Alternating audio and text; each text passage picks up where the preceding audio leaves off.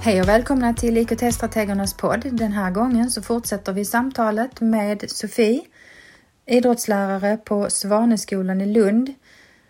Hon berättar här lite mer om eh, konkreta exempel på undervisning som hon bedriver med digitala verktyg. För, för idrott och hälsa till exempel så skulle jag säga att, att använda en Apple i undervisningen det är outstanding. Eh, med alla de verktygen som finns där, hur enkelt det är att jobba med det, hur enkelt det är för mina elever att jobba med det och hur tillgängligt ämnet blir. Ett ämne som annars är väldigt låst till en idrottssal blir helt, helt plötsligt tillgängligt överallt på deras, eh, på elevernas fritidsaktiviteter, eh, nere i omklädningsrummet. Alltså överallt så kan de ta del av undervisningen och liksom, ja, men visa på kunskaper. Det behöver inte bara vara just där och då när jag tittar.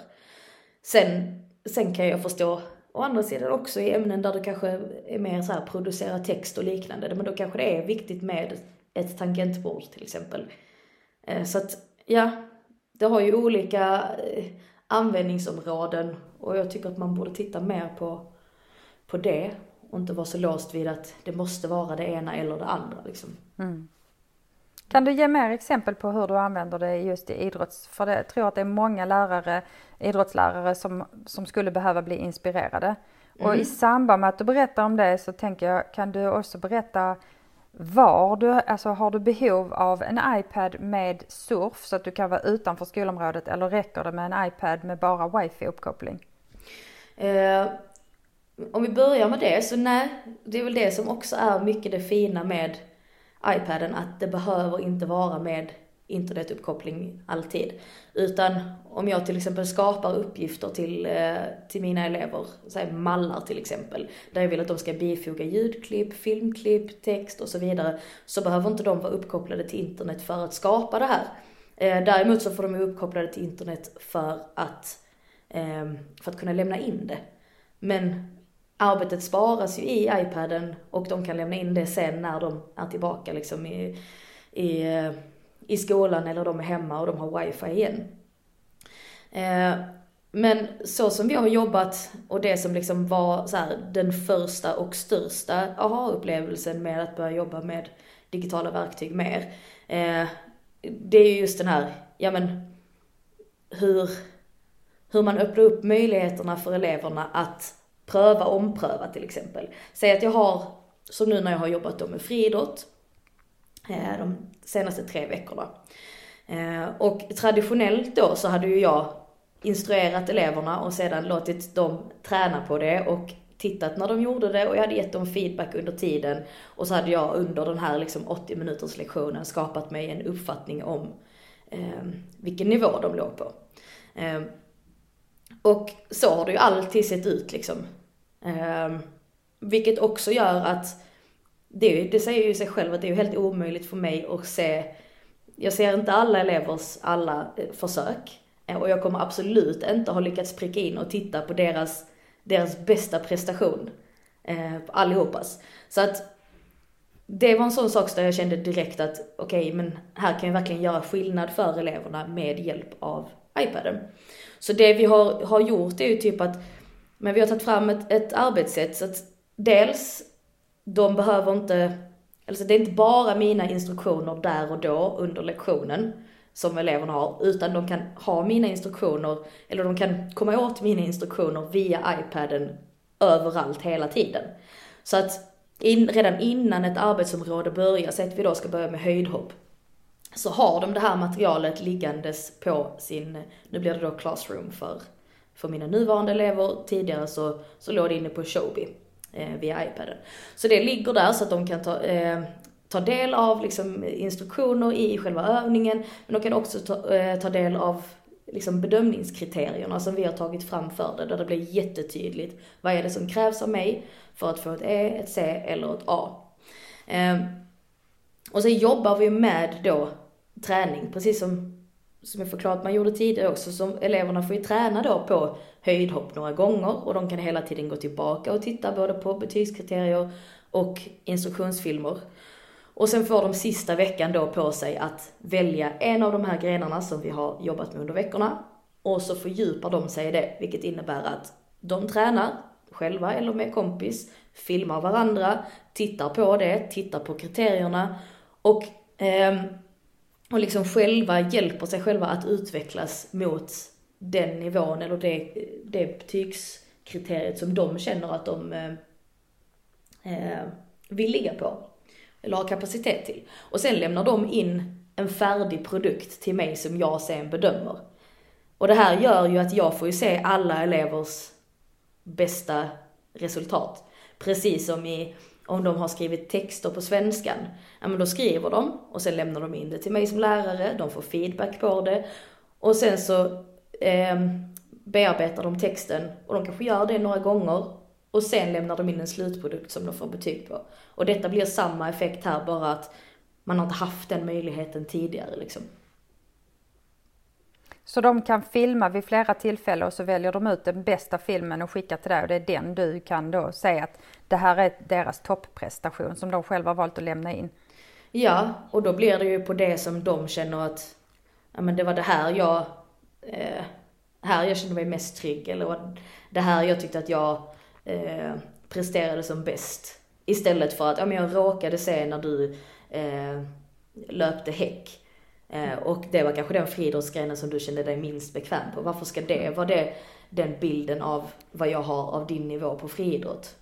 Så att de blir mycket, mycket mer delaktiga i eh, sin undervisning på det här sättet. Och sen, ja men just det här att idrott kan ju vara ett lite svårt ämne i och med att eh, du inte ser din prestation. Alltså det, mm. du, det du känner att du presterar är inte alltid samma sak som hur det ser ut. Det är mycket tydligare i ett annat ämne, ta matte till exempel, är supertydligt. Det är ett rätt eller det är ett fel. Eh, och så funkar det inte här, men det som är kul är ju att se hur duktiga eleverna blir på att, eh, eh, på att analysera själva vad det är som behövs, behövs förbättras. För är det så att jag till exempel filmar dig när du gör en övning och sen så kommer du bort till mig och så tittar vi på det i slow motion tillsammans, då mina elever har blivit jätteduktiga på att själva säga, ah men jag ser där att, eh, att jag inte drar upp armen i tid. Jättebra. Då gör vi det en gång till och sen så är det det du tänker på. Så de har blivit så mycket mer självständiga tack vare att eh, liksom, ja men filmverktyget i iPaden då hjälper dem att eh, få en bättre bild av det de har presterat liksom. Mm. Nu är jag en väldigt visuell människa så jag försöker mm. göra mig en bild av hur det ser ut då på din lektion. Mm. Och för det första så tänker jag, det här är högstadiet du jobbar med. Mm. Kan, äh, går det att göra samma även för yngre och hur långt ner i åldrarna i så fall? Eh, ja det gör det. Eh, jag har gjort detta från årskurs 1 till 9. Det är bara ja. det att, att eh, med de yngre barnen, eller eleverna, så eh, när vi har jobbat med rörelseanalys där, så har det mer varit att kanske att jag har filmat och sen har vi tittat på det tillsammans. Eh, av mina högstadieelever så trycker jag jättemycket på att de får inte komma och fråga mig vilket betyg är det här eller vad ska jag göra bättre, utan det ska de gå in och titta i då det som vi kallar för checklistor. Alltså typ en checklista för de olika betygskriterierna för respektive övning liksom. Och sen tänker jag inte att de riggar upp iPaden och filmar sig själv utan att de jobbar i par och filmar varandra. Ja, det stämmer. För då får du in även, alltså så det är en ganska viktig del. Det är viktigt att kunna eh, ge sig själv feedback, men det är också viktigt att kunna ge varandra feedback och jobba med kamratrespons till exempel. Så att men det ser lite olika ut hur de väljer att göra det. Vissa känner sig mer bekväma med att, att bara göra det för sig själv. Och mm. då går det också precis lika bra liksom. Sen pratade du också om eh, inlämningsdokument. Kan du berätta mer om någon sån uppgift? Mm. Men till exempel, eh, alltså vi har jobbat jättemycket med, med mallar till exempel. Ehm, och då jobbar vi främst i Pages och så gör vi olika, ja men liksom mallar där det finns rutor för här vill vi att du lämnar in en, eh, en film, här vill vi att du svarar i text på några frågor eller ljudinspelning ifall du, man hellre föredrar det och så vidare. Så till exempel i orientering är ju också ett sånt eh, arbetsområde i idrott som kan vara lite problematiskt. Eh, det är ganska svårt att sätta ett betyg på just orientering om du inte går en och en med eleverna. Eh, och då hamnar man ofta i den här fällan att det blir att man sätter ut en bana och så ska eleverna orientera sig runt på den och sen så ska de göra den inom en viss tid. Och tiden de får på banan, det är den som, eh, som bestämmer vilket betyg man får. Men det är ju ganska missvisande för att det finns så många andra aspekter som vävs in i det, till exempel kondition eller liknande. Så det är ju lite komplext att, att, eh, att bedöma orientering. Och det jobbar vi väl fortfarande ganska mycket med hur vi ska hitta ett sätt att komma runt det. Men som vi har gjort eh, de senaste åren, jag och mina kollegor, så, så har vi tagit fram liksom en, eh, ja men ett, en mall som eh, vi använder som liksom ett, ja, ett arbetsblad eller vad man ska säga. Så, så när vi har orientering med eleverna så vill vi att de först och främst, den första rutan som kommer upp, det är liksom att de ska ha, de får sin karta och så, så ritar de ut sin, den vägen som de planerar att ta. Eh, och sen så infogar de den eh, kartan med sin utritade väg i dokumentet. Det är steg ett. Sen så eh, ger de sig iväg och så samlar de in kontrollerna och då tar de foton på dem och så infogar de fotona på respektive ruta. Eh, och sen är sista delen frågor som de kan redovisa antingen i skrift, ljudinspelning eller film. Men där vi vill att de ska resonera kring sina vägval. Eh, och då kan det ju vara så att antingen så har man varit jättenoga när man planerade ut vägen och man kunde följa den fullt ut. Eller så kan det vara att det var någonting man inte tänkte på. Vi har haft många elever som inte har koll på till exempel att de bara drar ett streck över och så, så var det rakt över en järnväg till exempel. Och det blir de ju varse om när de kommer dit att ah, så här, den här vägen kunde jag inte planera. Eh, och då får de göra om det och då vill vi att de i, de här, i de sista frågorna ska eh, kunna resonera kring ja, men vägvalen och eh, vilka begrepp de använder sig av och vilka hjälpmedel och, och så vidare. Så det är inte helt optimalt men vi får ändå lite fylligare bedömningsunderlag än bara en karta, kontroller och ett tidtagarur liksom. Så, jag tycker mm. det låter jätteinspirerande för att jag vet att det är många prästämneslärare, så praktisk estetiska, som, som tycker att det digitala inte riktigt är för dem. Eh, mm. och särskilt idrottsämnet där man ska vara väldigt, väldigt fysiskt. Men du ger jättebra exempel tycker jag på hur man kan jobba med det digitala som verkligen hänger ihop med undervisningen och bedömningen. Jättekul att höra. Jag pratar lite med, jag har en fantastisk kollega på, eh, på Stenkulaskolan som är textilslöjdslärare. Eh, och vi pratade jättemycket om det här just med, alltså hur vi kan göra våra ämnen tillgängliga för eleverna. För hon är ju samma sits som, som jag är, att det är inne i textilslöjdssalen, det är där undervisning sker, det är där lärande sker och det är där bedömning sker. Men det behöver inte vara så. Eh, och det är väl det som är det fina med liksom de här verktygen. Och att och prata mycket om att göra det hållbart för oss lärare, att skapa eh, material och grejer som är hållbara över tid så att man slipper att liksom återuppfinna hjulet varje år. Man behöver, man behöver tänka lite smart för sin egen skull också. Att man, eh, att man ska ha material som går att använda om och om igen och som verkligen gör skillnad för eleverna. Nu när du då har kommit till Lund, mm. hur ser det ut här då?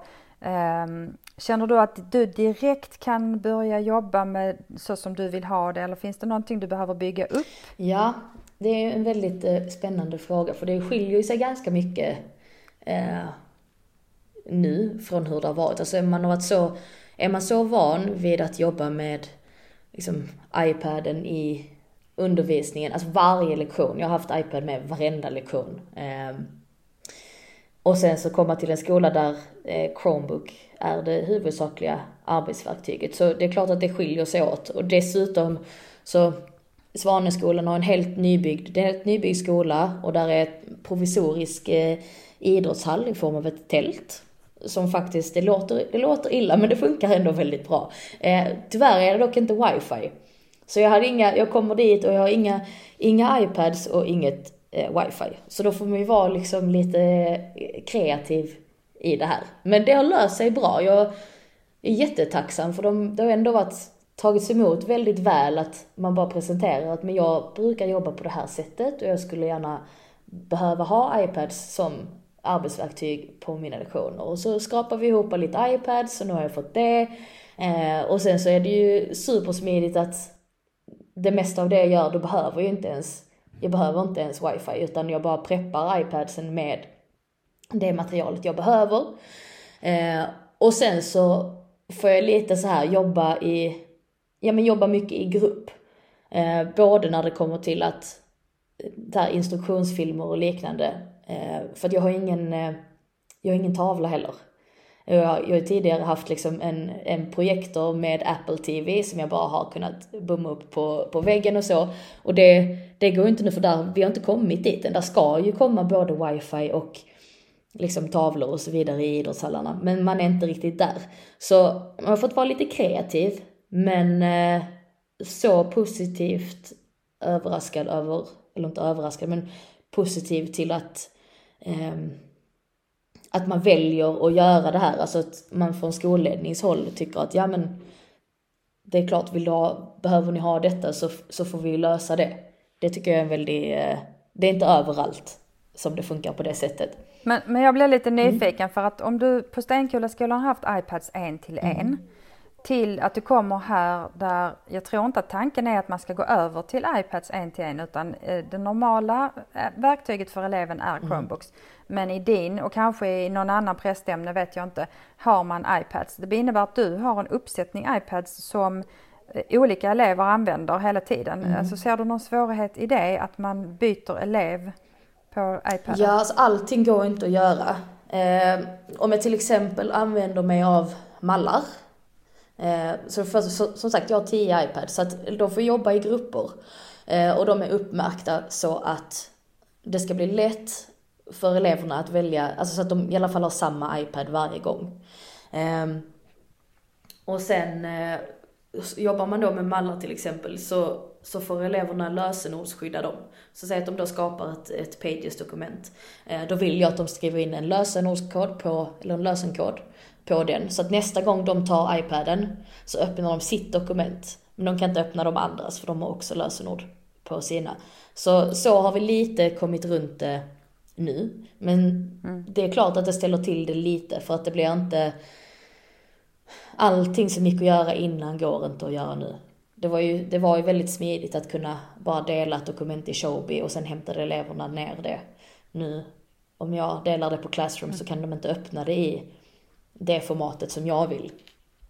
Eh, och jag är helt enkelt inte tillräckligt bra på eh, Googles eh, så här, för att känna att att jag får ut samma grej av det som jag, som jag får av liksom, ja, Keynote och Pages och jag har gjort spel och grejer men det, det går inte att använda, jag kan inte använda det i PowerPoint eller Google presentation. Så mm, det är absolut lite klurigt men eh, man får vara lite kreativ och sen så tänker jag att, eh, att ja, man får komma in i det lite. Så ska det nog gå att lösa ändå.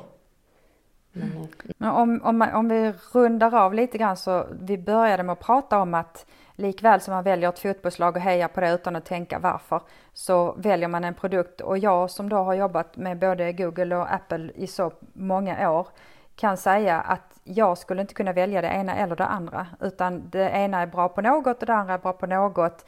Eller så är jag bekväm med något så att på något sätt så måste man hitta sin egen väg i vilket man väljer här. Och Eh, även vilken ålder man jobbar i, vilket sätt man arbetar och eh, det finns, det går liksom inte att säga det, det är det här du ska välja utan det, jag, jag är jätteglad för att vi är en kommun som man kan ha båda tjänsterna i, båda verktygen i.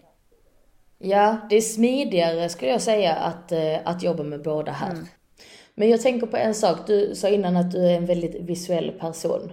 Och det är svårt att sitta och förklara liksom ja men jag brukar göra mallar, de ser ut och så här och så här. Men man får jättegärna gå in på min Instagram, Alven Sofie. Eh, för där delar jag ju mycket av mitt material så blir det liksom lättare att se vad det är jag pratar om. Och eh, är det så att det är något material som man liksom vill ta del av så bara skicka ett DM så delar jag jättegärna med mig av, av det också. Super, då lägger jag det i avsnittsbeskrivningen, det kontot så att man lätt kan hitta det.